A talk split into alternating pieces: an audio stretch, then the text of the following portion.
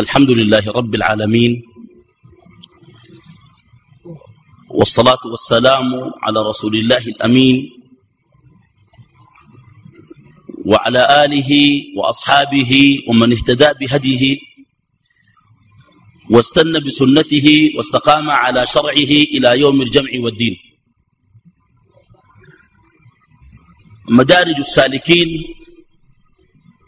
من كتب التربية والتقويم.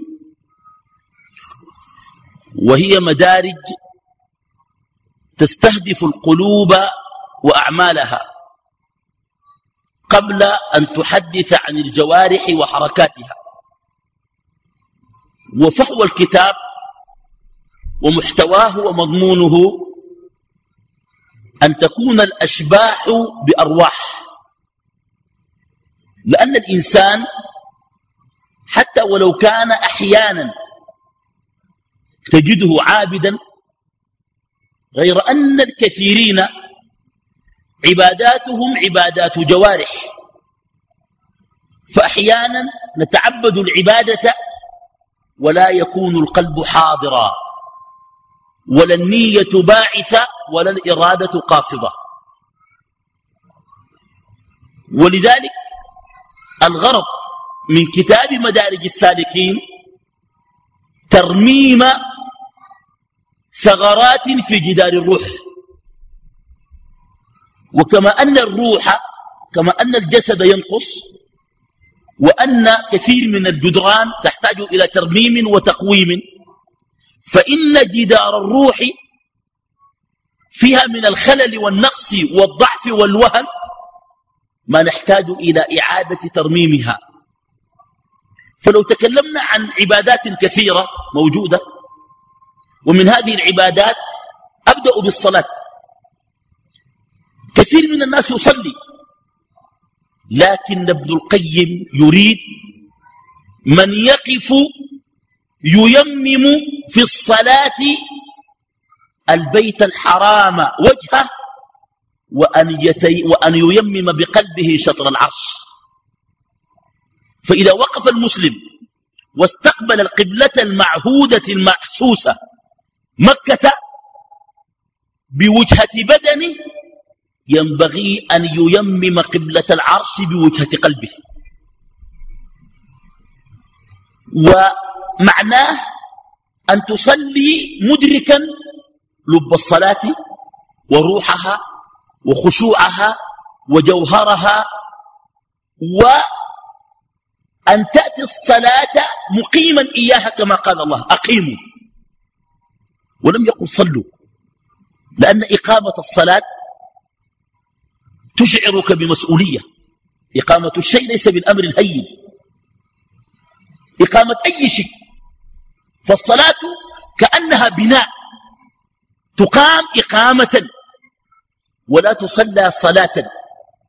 ولذلك يرى ابن القيم أن الصلاة الحقيقية الصلاة التي فيها خشوع. ولكن هذا لا ينفي فعل الجوارح وإقامتها. يعني أن تصلي بجوارحك ولكن مستحضرا طعم الصلاة ومعناها ومستشعرا أنك تقف بين يدي ملك الملوك وعلام الغيوب تناجيه. وإن كان هذا مع بشر لوقفت أكثر تأدبا معهم. وإن تحدثنا عن الزكاة هل نحن نزكي زكاة فيها أعمال قلوب الزكاة لا تعني إخراج الأموال. الزكاة تعني بث القيم في المجتمع. ولذلك أول ما يستشعره المزكي الذي يزكي بقلبه هو أن المال ليس ماله.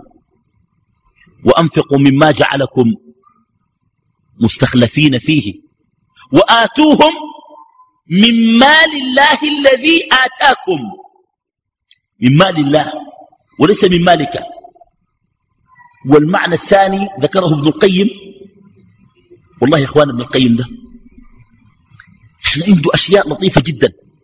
قال لما تعطي الزكاة لأحد أول شيء ينبغي أن تستشعره كان يمكن أن تكون المعطى.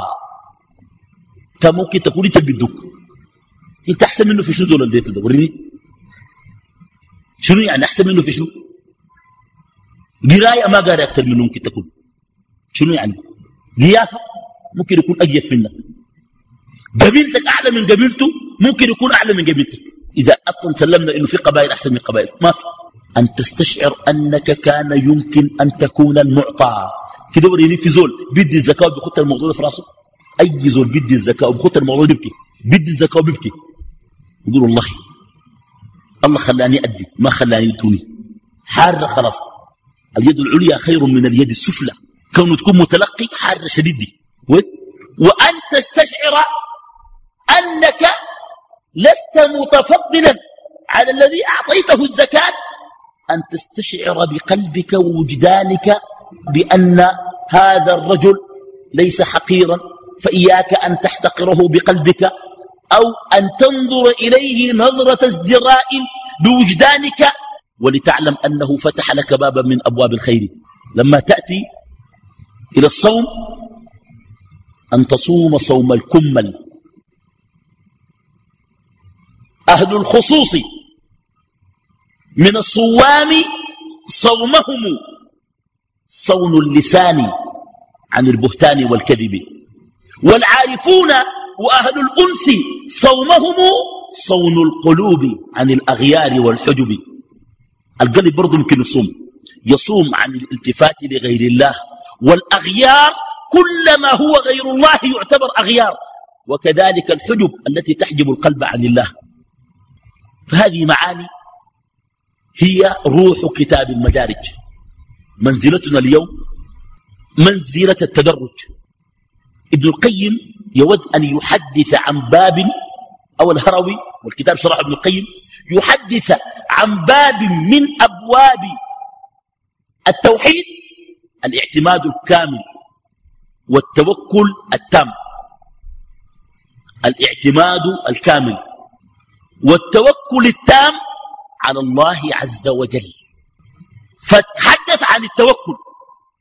ثم حدث عن درجة بعد التوكل هي التفويض ثم درسنا اليوم عن الثقة بالله عز وجل. الثقة بالله عز وجل. وبعد الثقة التسليم. توكل تفويض ثقة تسليم. يقول ابن القيم بعض بعض الناس يفسر التوكل بالثقة. قال وهذا تفسير بعيد. الثقة جزء من التوكل.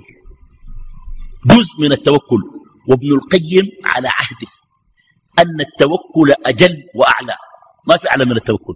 وأن التوكل أشمل وأوسع وأكمل وأوعب. ولأنه وصف الله لأنبيائه ورسله. وأمر الله لهم وتوكل على الله. إنك على الحق المبين. وتوكل على الله وكفى بالله وكيلا. رب المشرق والمغرب لا إله إلا هو فاتخذه وكيلا. التوكل أعلى. طيب. طوالي بدون مقدمات. قال صاحب المنازل الهروي الثقة سواد عين التوكل. العين فيها سواد. وسواد العين مهم في تجميل العين والنظر. فكأن الثقة من التوكل بمنزلة السواد من العين. وهل يتصور أن تكون عين بغير سواد؟ أه؟ وهي باصرة وتؤدي وظائفها كاملة وكذلك قال الثقة سواد عين التوكل ونقطة دائرة التفويض وكأن الهروي يقول أن التفويض دائرة. مركز الدائرة هو الثقة. يعني الثقة الثقة في الله والثقة بالله. يا اخواننا شوف نحن أصلا الثقة بالله مضيعة عند كثير من الناس. الزول بيثق في الناس وبيثق في البشر وبيثق في أمور كثيرة جدا. ربما أكثر من ثقتهم في الله عز وجل. والثقة اللفظ أصله الثاء والقاف أصلها من التوثيق والإحكام. ومنه التوثيق ووثق. كويس؟ ووثق. عرفت؟ ووثائق. كويس؟ فالثقة الاعتماد الكامل والمعرفة التامة واليقين بأن كل شيء عنده. الثقة بالنسبة للتوكل سواد عينها. ونفس الثقة بالنسبة للتفويض نقطة دائرتها. والنقطة بالنسبة للدائرة عندها ميزة. أولا النقطة في الدائرة تكون مستوعبة لجميع الاتجاهات. فهي نافذة إلى محيط الدائرة. بالنقطة. ونسبة الدائرة من أي موضع فيها؟ إلى النقطة نسبة واحدة. النقطة دي بتكون في النص سواء كان بجاء أو بجاء بأي محل. النقطة بالنسبة للدائرة واحدة. وهذا يدل على نفاذها. وكأنه لا يمكن أن يكون هنالك تفويض إلا بشنو؟ إلا بثقة في الله عز وجل. والسويداء قلب التسليم. سويداء قلب التسليم سويداء قلب التسليم سويداء القلب أشرف ما فيه. أشرف ما في القلب سويداؤه. كويس؟ وهي عند العرب سويداء القلب هي المهجة. المهجة. يقول لك نفديك بشنو؟ بالمهج. والأرواح. ويقولون هي التي تتكون منها مادة الحياة. هكذا يقولون.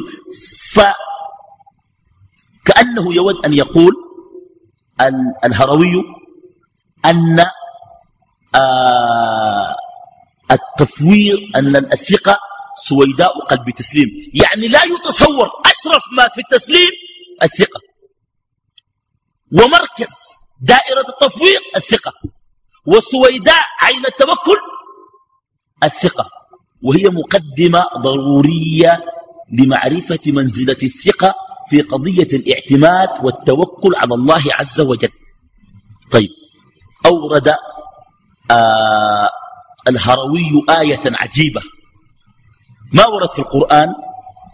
ثقة في الله عز وجل. ورد حديث عن سوء الظن بالله والظانين بالله ظن السوء عليهم دائرة السوء. فسوء الظن بالله يقابله حسن الظن بالله عز وجل. لكن استدلال الهروي بهذه الآية يدل على عمقه. الآية التي استدل بها الهروي في الثقة فإذا خفت عليه فألقيه في اليم. ولا تخافي ولا تحزني إنا رادوه إليك وجاعلوه من المرسلين. يا أخي الثقة ابن القيم قال شنو؟ قال لو ما في ثقة ما في أم بترمي جناها في بحر. يا أخي دي وصلت درجة من الثقة في الله رمى جناها في البحر. فإن خفت فإذا خفت عليه فألقيه في اليم. يا إخواننا أنت لو قال لك أرمي شافع ما بتعرفون ترميه لو جابوا له شافع ساكت ما بتعرفه. أول من اللي خرج لقيته كان جابوا لك ولد خواجة. حسا كان جابوا لك ولد شارون بترميه البحر ولد شارون بترميه شافع شارون بترميه. كويس بتشوف في عيونه بتشوف في براءة كده. بتلاقي بس حس زود ذنبه شنو يا أخي. كويس خلي ترمي جناح. دي معناها وصلت درجة من الثقة في الله عز وجل. عجيب. وآية تقابلها وإن كان فيها تفسيران. قوله تعالى فأصبح فؤاد أم موسى فارغا. فارغا. فؤاد أم موسى فارغا. معناه التفسير الأول صار فؤاد أم موسى من الثقة واليقين في الله كأنه ليس فيه شيء يشغلها وكأن الأمر لا يعنيها. والتفسير الذي عليه جمهور المفسرين عكس ذلك أنها صارت لا شغل لها من الدنيا إلا موسى. فصار فؤاد أم موسى فارغا من كل هم إلا من هم موسى واستدلوا ببقية الآية فأصبح فؤاد أم موسى فارغا إن كادت لتبدي به. لو كان أصلا فارغ ما كان حتبدي به. إن كانت لتبدي به لولا أن ربطنا على قلبها لتكون من المؤمنين. وربطنا على قلبها تصلح في الثقة. أن يربط الله على قلبك. القلب أخص خصائص الإنسان. وفي القلب بالمناسبة عظمة الربوبية. في قلب الإنسان عظمة الربوبية. وهذا من الكلام الغريب. عظمة الربوبية في القلب حيث أن القلب يتقلب. وهو من أهم المسائل في الإنسان ضعفا. ولولا ذلك لكان العبد ربا.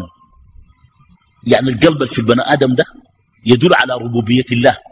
يا أخي الواحد تلقاه مهما كان يعمل فيها حازم وصارم وواضح ودغري وقاطع وما يضحك تأتيه مواقف يبكي. بتبكي مالك؟ البكير شنو؟ ها؟ تبكي البكير شنو؟ البكي ده فيه ضعف شديد بالمناسبة. وتجي مواقف تضحك وتجي مواقف ترق وتجي مواقف تتوقف. فالقلب دليل ربوبية الله. وسبحان الله أليس القلب بقلبك؟ أقرب حق منه؟ حقك؟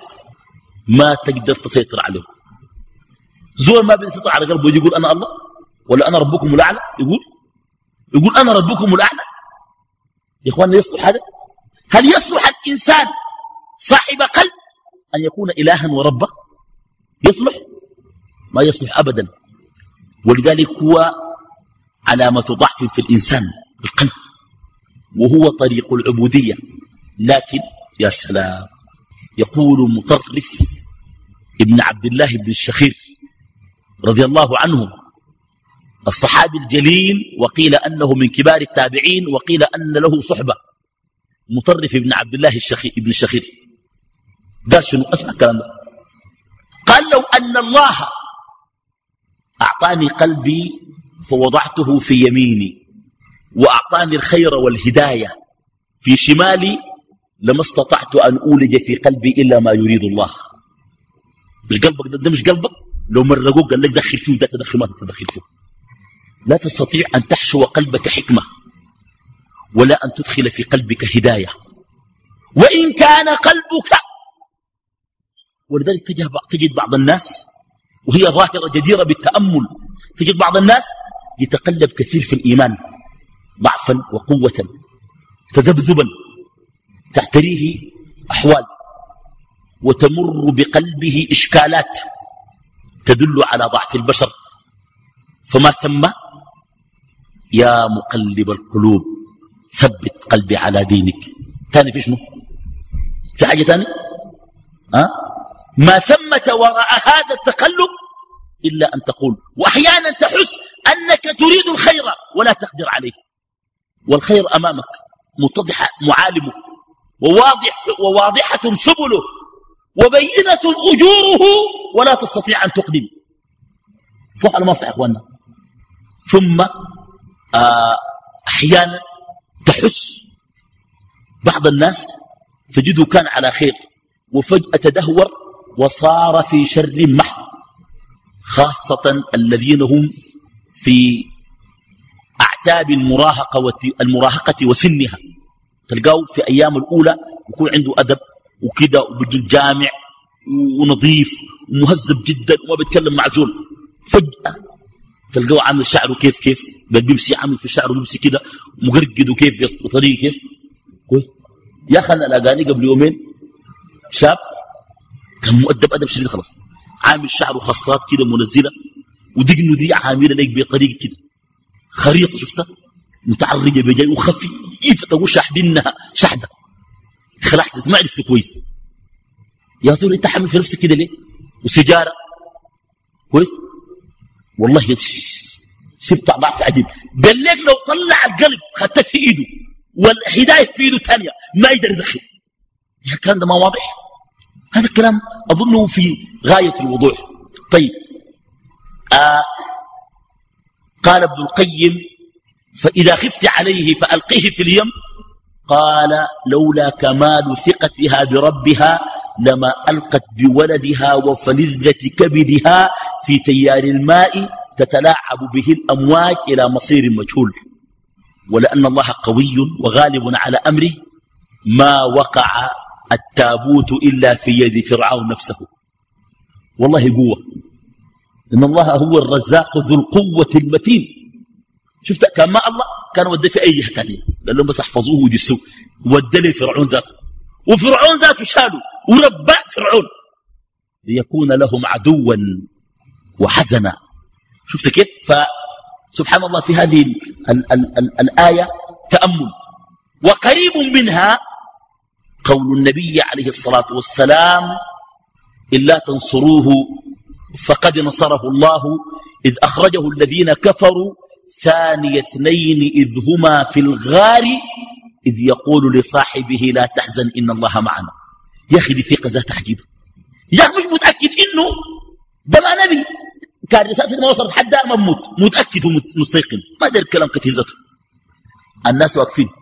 والغار بالنسبة لتحت ليه قال له لو أبصر أحدهم إلى قدمه لرآنا؟ ليه؟ أنت لو شفت الغار الغار للنوع التحت يعني. فهو لو الغار ده ما هو كيف؟ الغار ذاته ما في طريقة لجوا لبرا يعني. فعلا كان عاين بيشوفه طوالي. أقل شيء يشوف العين قال له ما ظنك باثنين الله ثالثهما. متأكد متأكد تمام. فدي ثقة. ومن ذلك أيضا كما سوف نعرف بعد قليل قوام الثقة وعلاماتها موسى عليه السلام خرج ببني إسرائيل فأتبعوه المشرقين. فلما ترى الجمعان قال أصحاب موسى إنا لمدركون. الناس خلاص البحر بيه قدامهم. والعجاج يحقل لك فرعون. إنت عارف كم جيشه؟ مليون وستمية ألف. كلها خيول سود. خيول ذاتها كلها سوداء شو؟ عشان لما يكون ذاته نوع واحد كده بيخوف. كويس؟ العجاج فوق. قال أصحاب موسى إنا لمدركون. قال كلا إن معي ربي سيهدين. واللطيفة أنه لم يقل كلا إن معنا ربنا سيهدينا. ديك ما مشككين. لكن ما مشكك. عشان كده ما دخلوا. كلا إن معي ربي سيهدين. كويس؟ وهذا من الثقة. الثقة مهمة جدا. طيب. مراد هذا الكلام أن الثقة خلاصة التوكل ولب التوكل. طيب آه يرى ابن القيم تفسيرا لكلام الهروي أن منزلة الثقة وده قد يكون أقرب إلى المثال في المثال وال وال والبيان والإيضاح أن منزلة الثقة بالنسبة للتوكل التوكل بدن والثقة روح التوكل شنو؟ بدن. والبدن من وظائفه أنه يحمل الروح. والروح من وظائفها أنها تحرك البدن. وهذا تقريب للمثال. قال الهروي وهي على ثلاث درجات. اللي هو شنو؟ الثقة بمن؟ الثقة بالله عز وجل. كويس؟ آه الدرجة الأولى درجة الإياس. الإياس معناها اليأس. وهو إياس العبد عن مقاومة عن, مقا عن مقاومات الأحكام. ليقعد عن منازعات عن منازعة الأقسام ليتخلص من قحة الإقدام. وهذا الكلام يعني أولا الواثق بالله المعتمد على الله معرفة. في ذلك بيعتمد على الله الناس بيعتمدوا. ده ما واثق في الله. لكن في ذلك بيعتمد على الله وعارف ويعلم إن الله على كل شيء قدير ولو قلت له اعتمدت على الله ليه؟ يقول لك أنه عنده أي شيء. وما بيخلز لنا وبيدينا. والبد غيره إنه. عنده كلام محدد نحن حقيقة. كويس؟ في ضعف. في مقام الثقة. خاصة الثقة متى؟ الثقة في الغيب. الله يقول لك تسوي كده أنا بديك كده. الناس ما بيكونوا متأكدين. ما بيكون عنده ثقة. يعني في أشياء يقول لك من ترك شيء لله عوضه الله خيرا منه. ما لقى نزول كده خلى حاجة لله. يجي يستفتي ويشبس فيها لحد آخر لحظة. وبعد ذلك لما يخليه يكون بخلى لله. بيكون قلعه قلع. يا أخي أنا داير الزول يكون متأكد. يمشي في الموضوع والموضوع ده شاعر إنه فيه شبهة. يعني ناس قالوا حلال قالوا حرام. قال والله يا الله بس ليك ده أنا خليته. ربنا يعوضه طوالي. قلت اللهم أجرني في مصيبتي واخلف لي خيرا منها.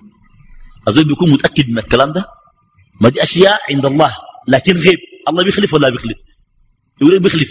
لكن لما تجي في مصيبته ما بيتذكر ذاته ولا بيقول يخلفني ويقول بكيف وأنا حاسه مفلس وبيخلفني كيف؟ والله يخلفك خلاف يخلفك خلاف كويس؟ يخلفك يا من تآمن ذاته ويا من تقتنع. كويس حتى حكى ابن رجب قصة لطيفة جدا. يقول رحمه الله كان هنالك رجل عابد ومن ومن الصالحين والأخيار في مكة وكان يلازم البيت. فجع فخرج وهو تحت وطأة الجوع فلم يجد الشيء يصيبه. وفي إحدى شعاب مكة وأذقتها وجد عقدا ثمينا ملقى. ولقطة الحرم لا تعرف الضالة في الحرم لا تؤخذ إلا لمعرف يعني مشي له وتقول عنده حاجة يجري. لا تشيله وتمشي تقوس الناس. يا زول في النهاية ما لقي زول تاخدها وتمشي. في مكة كان لقيت لك مية ألف دولار. مش مية ألف دولار مرمية مشي له وكاشت تتكلم الناس في النهاية حمة ما لقيت خلاها في محل ومشي. مفلس أمشي لحاج يوسف. أو مبدة كويس؟ أو القاهرة. باريس. اللي نيويورك من طرف. مركز التجارة الدو الدولي أي حاجة. لكن مكة دي دختها. مشي كويس؟ فشفت كيف؟ فشوف هنا قام الرجل دشالة وعرف فوجد صاحبها غير أنه انتظر أن يعطيه شيء. طبعا هو في النهاية أصلا ما قدر الشيء ده وعارف اللقطة دي هنا لكن كان جابه يمكن ذاك يدي حاجة. فلم يعطيه شيء. ما اداه حاجة ما ناوله.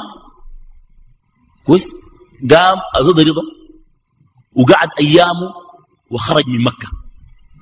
وذهب إلى الساحل وكان يجلس في القرى التي حول الساحل إلى أن أراد أن يركب البحر.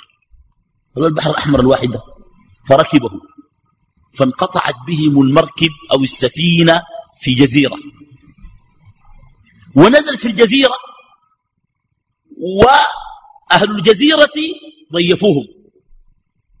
أكرموهم ويا من صلحوا لهم ولكنه لأنه يبحث عن عمل قالوا له يا أخي صلي بنا الصلوات بما عندك من القرآن وعلم أطفالنا.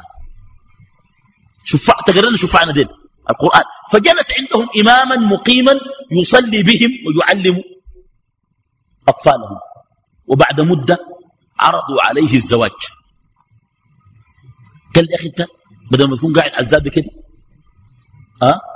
ما تزوج فعرضوا عليه. قالوا ابنة أصلح أهل القرية رجل صالح جدا من ناس القرية. قد مات وبنته يتيمة تزوج بها فتزوجها. ولما دخل بها في ليلة العرس وجد العقد ذاته في عنقها. العقد بتاع مكة ذاك ما بيقبض زي ما بقولوا لأنه عائلة كويس هو. بقد عقد فسأل قال يعني هذا العقد لك؟ قالت نعم. أولم يخرج من هذه الجزيرة؟ قالت ضاع من أبي في مكة. راح من أبوي في مكة. فوجده رجل. قالت وكان أبي من الأخيار. ما سجد سجدة إلا وسأل الله أن يزوج ابنته من وجد العقد أو من مثله. الأب ذاته ما هو احتمال يكون معجوطة ما اداه لكن دائما بيسأل الله يقول له بس اللقى العقد ذاك في مكة. يا هو زيه يا هو يا واحد زيه بس. فقال لها والله ما وجدت العقد وأعطيته لأبيك إلا سألت الله أن يكون العقد لي. حق مرته ما حقه؟ أه؟ حق مرته ما حقه؟ شفت كيف؟ بعدين الشيء ده شنو؟ يا إخواننا والله يعني في ناس ذاته يا أخي ما في ثقة أكبر من قوله عليه الصلاة والسلام وإن منكم من لو أقسم على الله لأبره. يا أخي مما عنده ثقة في الله. يقول لي الله تنزل مطرة الليلة دي. حلف عليك تنزل مطر يا الله. ينزل له مطر. في كده شوف من ترك شيء لا عوضه خيرا منه.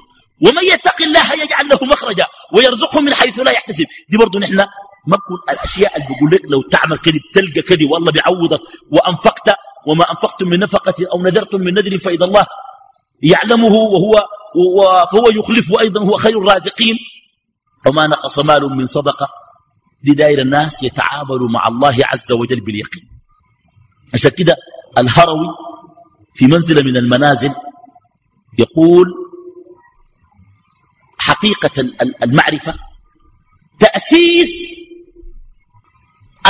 اليقين تأسيس المعرفة على اليقين والإنصاف في التعامل مع الله.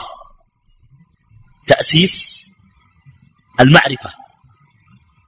على اليقين والإنصاف في التعامل مع الله. ومن إنصافك لله ألا تشكر سواه على نعمه هو. الله يديك وتسكر الناس. أنت زول ما عندك فاق كده خلي رب العالمين جل جلاله. الذي لا يرضى الشريك. أنا محمد سيد كان اديتك حاجة. مش شكرت له أنا برضه. بترضى أنت؟ والله عز وجل أهل الثناء والمجد سبحانه وتعالى. طيب. فاذا درجة الإياس إياس العبد عن مقاومات الأحكام. يا سلام. بمعنى الواثق بالله. مش في أسماء زي دي؟ والله ده سموه. غيرت أبوه وأمه سموه. إلا هو يمشي بعدين يلخبط. لكن سموه الواثق بالله. والله ما قصروا معك الناس دي. ثاني شو تزو؟ ها؟ كان بقيت واثق بعد ذاك في اسمه شنو بتاع أمريكا ده؟ بيمشوا مصر ده اسمه شنو؟ يا أخي بيمشي عشان يمشي أمريكا يقدم في مصر ويمشي قابلوه هناك و... ويعملوا معاينات وبعد ذاك يجي راجع وبعد ذاك قاعد في مصر كم شهر وما عارف. اسمه شنو؟ ال lottery. في ناس واثقين في ال lottery وثوق شديد. حقوا يسموه الواثق بال lottery. في ناس حقوا يسموه كده. الواثق بال lottery. في زول الواثق بالدكان. كان في دكان هو مطمئن. كان ما في دكان ما مطمئن الواثق بالله. معتقد أن الله إذا حكم حكمه يمضي وقضاؤه ينفذ وأنه لا معقب لحكمه. إذا كان هذا اعتقادك فإنه ييأس من مقاومات الأحكام. الأحكام سوى كان الشرعية لا تقاومها. الله قال لك صلي. تقول نشوف؟ الله قال لك ما تزني. تقول لكن الموضوع ده يشوفوا له تعديل؟ ما تقاوم الأحكام. لأنها من عند الحكيم الخبير. ولا تقاوم أحكام الله القدرية التي كتبها عليك وأجراها عليك. فأي فحتى ولو أنك قاومت ماذا سوف تفعل؟ بمقاومتك. أي الاستسلام الكامل للأحكام التي حكمها الله وقضاها. وعندها تيأس من مقاومات الأحكام لأنك بالله واثق ولأنك معتقد أن الحكم حكمه وأن الأمر أمره وأن الخلق خلقه وأن الأمر كله بيده وأنه يحكم لا معقب لحكمه. ده بيجيب الإياس من شنو؟ من مقاومة شنو؟ الأحكام. في مع سمحة. ليقعد عن منازعات الأقسام. الأقسام الله لما يقسم ويدي الناس تانيين إنت ما تتضايق. ما تنازع. تقول قسموا لنا معاكم. عينوا لنا شوية. نظرة بس يا أخي. اللي داكم بالكوريك اللي داكم بالكوريك يدينا بالمعلقة. كويس؟ ما تقول زي ده. انت هزول مالك. الشيء مش الله كاتبه انت وقت الله كاتبه تيأس. إنه الشيء ده ما قسمه. الأقسام على القسمة يا إخواننا.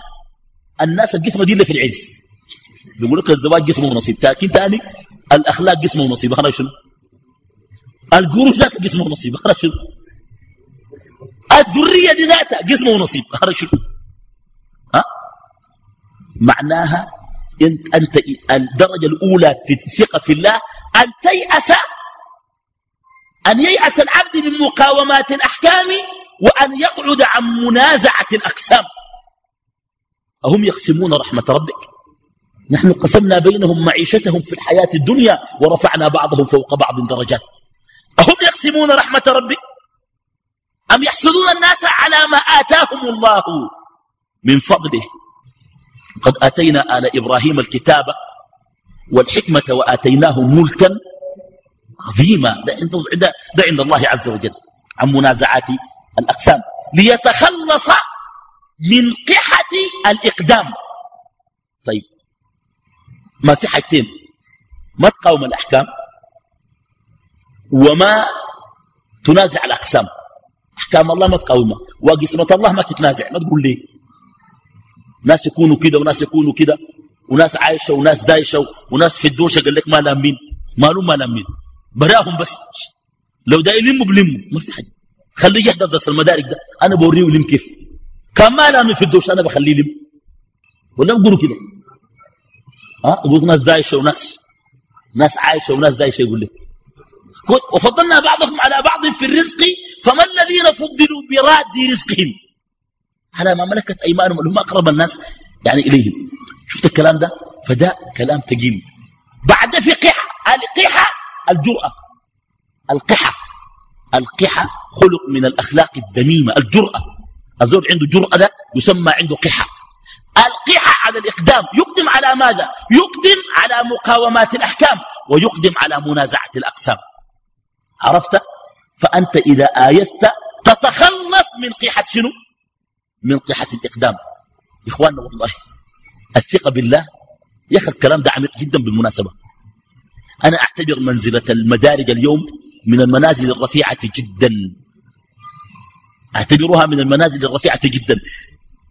ال ال ال الثقة بالله تعني متى تثق بالله؟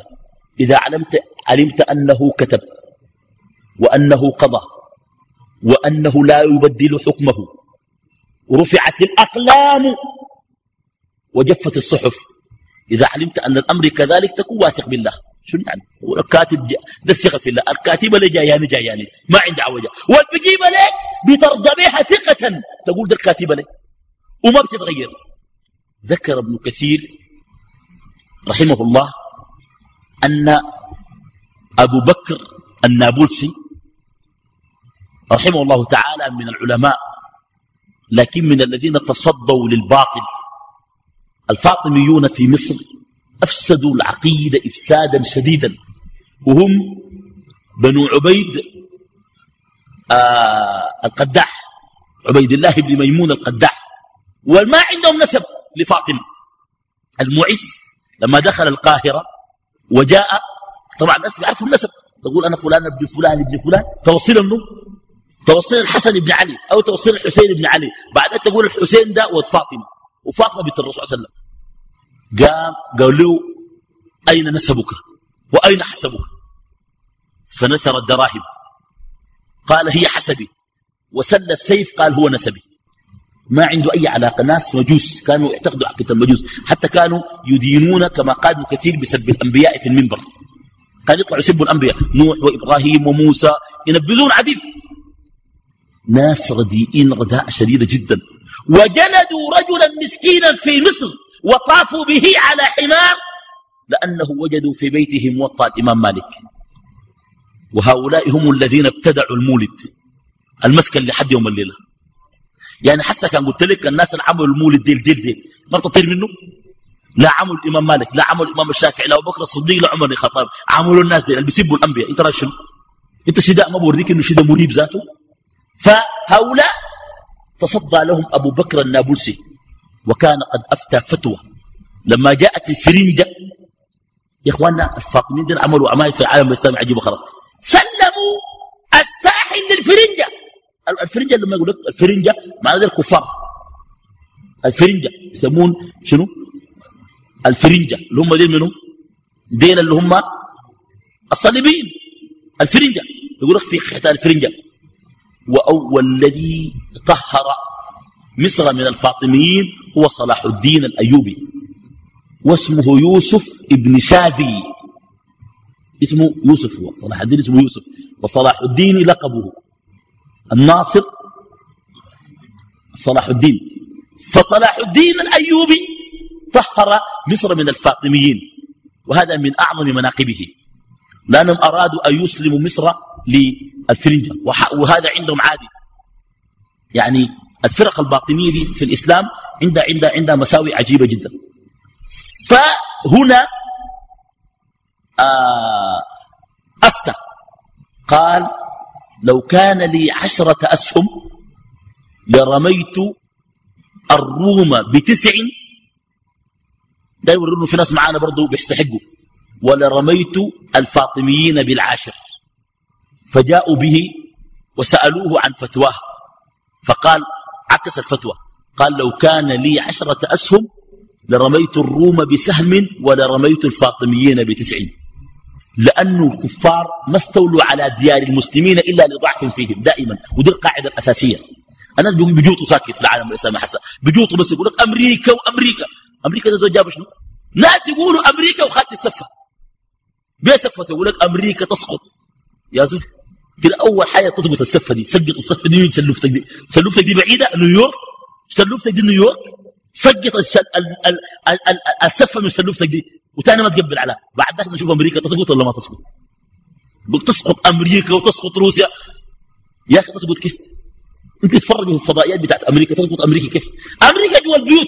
بيسقط أمريكا شو ثاني كويس ناس يحرقوا العلم الأمريكي والفيلم الأمريكي في العصر طوالي تلقاهم قاعدين في التلفزيون في الفيلم, في الفيلم الأمريكي. ومندمجين كمان ومتعاطفين مع البطل. والبطل أمريكي. كويس؟ والخيانة ولا بيسموها الخيانه ضد البطل بيسموه شنو؟ الخيانة ولا الخاين؟ الخاين تلقاه يا صيني كويس؟ يا آه سوداني كويس كويس؟ يا عربي كويس؟ المهم من الناس ضد أمريكا كويس؟ يا أخي أمريكا تسقط كيف؟ فقام قال الكلام ده فأتى به وحكموا عليه بقتل آه مؤلم. دفعوه إلى يهودي. ما كان اليهود معهم جوا الناي ليسلخ جلده. سلخوا سلخوا على جلده يسلخ الجلد من الجسم. قال فما فتر لسانه عن قول الله تعالى كان ذلك في الكتاب مسطورا. عشان ما يقول كيف أنا والله يتخلى عني وأنا مسلم وضد الكفار ديل الله المفروض ينصرني ويعمل لي ويفجر الواسطة تحتهم وما يقدر يخبشني كان ذلك في الكتاب مسطورا والله ده يا أخي يا أخي ذاته إيمان عالي. اليهودي ذاته زهق منه. من كثرة ما بقى يسمع اليهودي الآية اليهود ولا سلخ ذاته. غرز الخنجر في قلبه فبعد أن مات سلخه. ولكنه أعطي ليسلخ حيا. وكان يسمونه بالشهيد أبو بكر النابلسي. كويس؟ ومثله أحمد بن نصر الخزاعي. الذي لما وضعوه في القيود وأراد أن يموت أمر موصيا أن يدفن بقيوده. قال إن مت فادفنوني بأغلالي وحديدي إني مخاصم بها يوم القيامة. كويس ناس عندهم مواقف ذات مواقف عجيبة. وأم موسى أوحى الله إليها. إلهام يعني ما وحي بتاع بتاع رسل لأنها ليست بنبية وأوحينا إلى أم موسى. كويس؟ فده معناها آه، آه، جاء إلهام مثل هذا. عرفت؟ طيب. والدرجة الثانية يقول درجة الأمن. يا سلام. هنا في لطيفة جميلة يا أخوانا اليأس يولد الأمن. يعني أنت أول حاجة بتيأس بعد ذلك بتجب في الأمن. يعني بتنزل أول حاجة في اليأس بعد ذلك بتجي في الأمن. اليأس يجيب الأمن كيف؟ إذا علمت أن العباد لا يملكون شيء سوف تكون آمنا لا تخشاهم. أتخشى من لا يملك؟ فإذا آيست ماذا فعلت؟ أمنت. ودي من اللطائف جدا. عشان كده قال الدرجة الأولى درجة الإياس. وراك تيأس بشنو إذا يئست من الحاجات دي وعرفت إنه شنو مكتوب؟ يا أخواننا زول عرف إنه الأمور مكتوبة. تاني بقلقل شنو؟ بتكون يا زول آمن. جاء الموضوع بتقول الله جابه. ما جاء. بتقول الله ما أرد الله ما كتب لنا. لا تعمل شنو معك. عشان كده يأمن من أن ينقص رزقه لأن الرزق لا ينقص. لن تموت نفس حتى تستكمل رزقها وتستوفي أجلها. ويأمن من فوت نصيبه الذي قسمه الله له. ولذلك يولد هذا الأمن أشياء أخرى. تأمل أثر قول النبي عليه الصلاة والسلام على النفوس. واعلم أن ما أصابك لم يكن ليخطئك وأن ما أخطأك لم يكن ليصيبك. الشيء ده أمن ولا ما أمن؟ أه؟ أمن تجد إذا أمن بيحصل شنو؟ قال وهو أمن العبد من فوت المقدور. يا أخي الشيء كاتب لك الله ما بيمش منك. كان شالوا الناس وطيروا الله بيجيبوا لك. زي العقد اللي راح في مكة ده. زي العقد ده. يا خلي العقد. الزول اللي عقد اللي لقى العقد ذاته. الله جابه ودى الجزيرة بدعاء بالدعاء وداه الجزيرة. شفت كيف؟ خلي عقد. بني آدم ربنا كركروا من مكة. مرقوا في جزيرة عشان يتزوجوا بيت أبوها دعا إنه البنت يتزوجها اللي لقى العقد أو واحد بس في إيمانه. كويس؟ فده فوت المقدور. وانتقاض المسطور المكتوب ده يعني الله داري بحاول قال لك رفعت أقلام جفت الحفظ. أنت إذا عرفت الكلام ده قال شنو؟ قال إذا حصل هذا فيظفر بروح الرضا. يا سلام. الزور كان إذا كان اطمأن وثق إنه الموضوع ده مكتوب. وشي ده مقضي بيجيه رضا.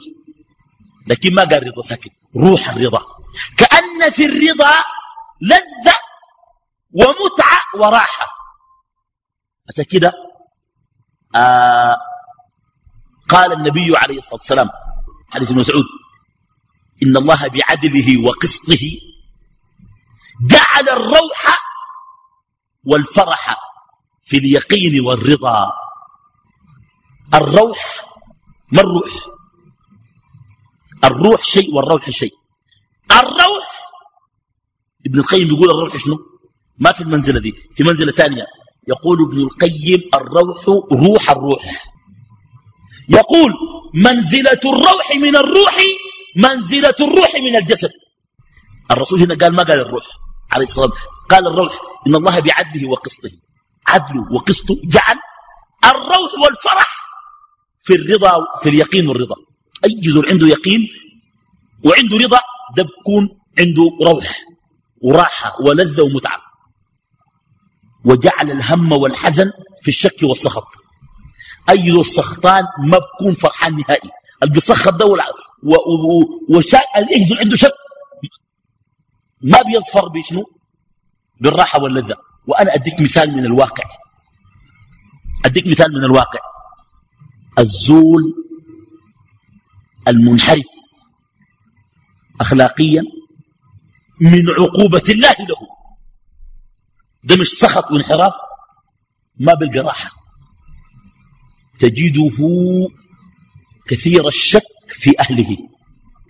أي زول تلقاه بيقول مرتي دي كعبة أخلاقها ما كويسة ويتابعها وردت على التلفونات وتكلمت مع منو ويراجع الفاتورة ويمشي يشوف الرقم وده قطع شك. زول رديء أخلاقيا أصلا. لأنه شوف ربنا عاقبه كيف؟ مثلا يقول مثلا لوحدة يتصل بوحدة عشان تلاقيه تقول له يا أخي مثلا زوجي معاي ولا يا ده بقدر أطلع. يقول لي يا أخي قولي أنا ماشي الترزي. أنا ماشي شنو؟ الترزي. وقمت وتقوم تجي تقابله. مرته تكون ماشي الترزي بجد؟ تقول له أنا ماشي الترزي. مرته يقول أيوة ماشي تقابل زول. صح ولا ما صح؟ يقول أيوة ماشي تقابل لا زول. يبدأ في دوامة مع إنه مرته ما بتكون ماشي تقابل فعلا ماشي الترزي بجد ده لأنه مريض. شوف الزول النزيه ما بشك في مرته نهائي. الزول بيبقى نزيه ما هو يعمل ما بيعرف الحاجات دي أصلا هو. عشان كده ما ما بخون مرته. دائما الناس اللي بيخونوا نسوان بيكون أصلا هو مارس مثل هذه السلوكيات المنحرفة. ومن عواقبها على النفس هم وحزن وشك دائم. شوف عليك الله العقوبة دي كيف. شيء عجيب. طيب. آه قال فيظفر بروح الرضا وإلا فبعين اليقين. يعني كان ما ظفر بروح الرضا فإنه يظفر بشنو؟ بعين اليقين. وعين اليقين قوة الإيمان. ومباشرته للقلب حتى تجعل الغيب كالعيان. الغيب زي شنو؟ قال لك عذاب القبر؟ زي شايفه قدام عينه. ما ده الاثنين وليس بين اليقين وبين الغيب إلا مكافحة البصر. يعني بس إنه يشوف بعينه لكن الموضوع ده قاطع شكه. ده بيخلي الإنسان بيكون في أمن وثقة. وإلا فبلطف الصبر. لطف الصبر قال شنو؟ قال النبي صلى الله عليه وسلم إن استطعت أو هذا في الأثر إن استطعت أن تعمل لله بالرضا تعمل لله وأنت راضي. أن تعمل لله بالرضا. مع اليقين فافعل. رضا ويقين أفعل. فإن لم تستطع فإن الصبر على ما تكره النفس خيرا كثيرا. يعني شنو؟ قدرت تتعامل مع الله بالرضا واليقين؟ أعمل. ما قدرت ألجأ للصبر طيب الدرجة الأخيرة معاينة أزلية الحق. الحق هو الله. ومعاينة أزليته يعني أوليته هو الأول والآخر والظاهر والباطن وهو على كل شيء قدير. قديم بلا ابتداء دائم بلا انتهاء لا يفنى ولا يبيد ولا يكون إلا ما يريد. فسبحانه قال لك تعاين أزليته. طيب تقول الله هو اللي الأول هو الذي خلق كل شيء. مشاهدة قيوميته على خلقه. القيومية معناه أنه قائم بأمر العباد. وأوليته تقطع الشك وتقطع الأمل في الخلق. صح ولا ما صح؟ صح. وتظهر البشر كأنه عاجز. وأنت تثق وتلجأ لقيوم السماوات والأرضين أي من قامت السماوات وقامت الأرضين بأمره وهي تقوم به ولا تقوم إلا به. ليتخلص من محن القصود. القصود ما يكون في القصاد وما يقصده. فلا يقصد إذا, إذا عاين أزلية الحق فإنه لا يقصد الخلق. وتكاليف الحمايات. تكاليف الحمايات دي حاجة عجيبة جدا. معناه شنو؟ لا يتكلف ما منع. يعني الله منعك حاجة. بيقنع. بيقول الله ما داري يديني ثاني كان كسرت رقبتي بلقى خلاص انتهى الموضوع. لا يتكلف ويتخلص من تكاليف الحمايات. الحمايات الأمور التي حماه الله إياها. في أشياء الله حماك لها. كويس مثلا أديك مثال. ده تعمل لسنك وحده ابى يدوك ليه؟ تعمل شنو؟ تقنع يا أخي ده تعمل شنو يعني؟ ها؟ ده تقلع ولا كيف يعني؟ تختطفها يعني ولا شنو؟ ابوها قال لك ما من لك شنو؟ أنت بتقوم طوالي بتقوم ما بتكاليف الحمايات ما بتكلف نفسك في الأشياء اللي حموك لها حماك حماك. وده ما في كل المسائل لأنه برضه لابد أن تكون النفس والثابة نحو المعالي وكذا. ما نجحت السنة الأولى أمتحن. ولحد ما تنجح ما في مشكلة. لكن في أشياء مقطوعة الشك. قام جو عرسوها تقول تاني ما بعرس ما بتعرس مالك يا زول. مما حموق لها وجاء الدواء ودع عمها وعرسها. هذا تعمل شنو ثاني وريني. ده تعرسها ثاني ولا كيف يعني؟ ها؟ ولا تنتظر يا من راجل يموت. هكا ما مات. ولا تقتل انت ده إجرام ولا غيره شنو اخوانا دي تكاليف الحمايات. وتكاليف الحمايات أيضا لها معنى آخر. المعنى الآخر أيضا ذكره ابن القيم. تكاليف الحمايات يعلم أن المكروه الذي سيصيبه لا احتماء منه. فإذا وقع عليه المكروه ابتداء المكروه زول يحاول يدفعه ولكن إذا وقع عليه المكروه عليه أن يقول ما يقول لو أني فعلت كذا. يقول هذا كان ذلك في الكتاب مسطورا. بعد قال والتعريج على مدارج على مدارج الوسائل. التعريج التعريج على مدارج الوسائل.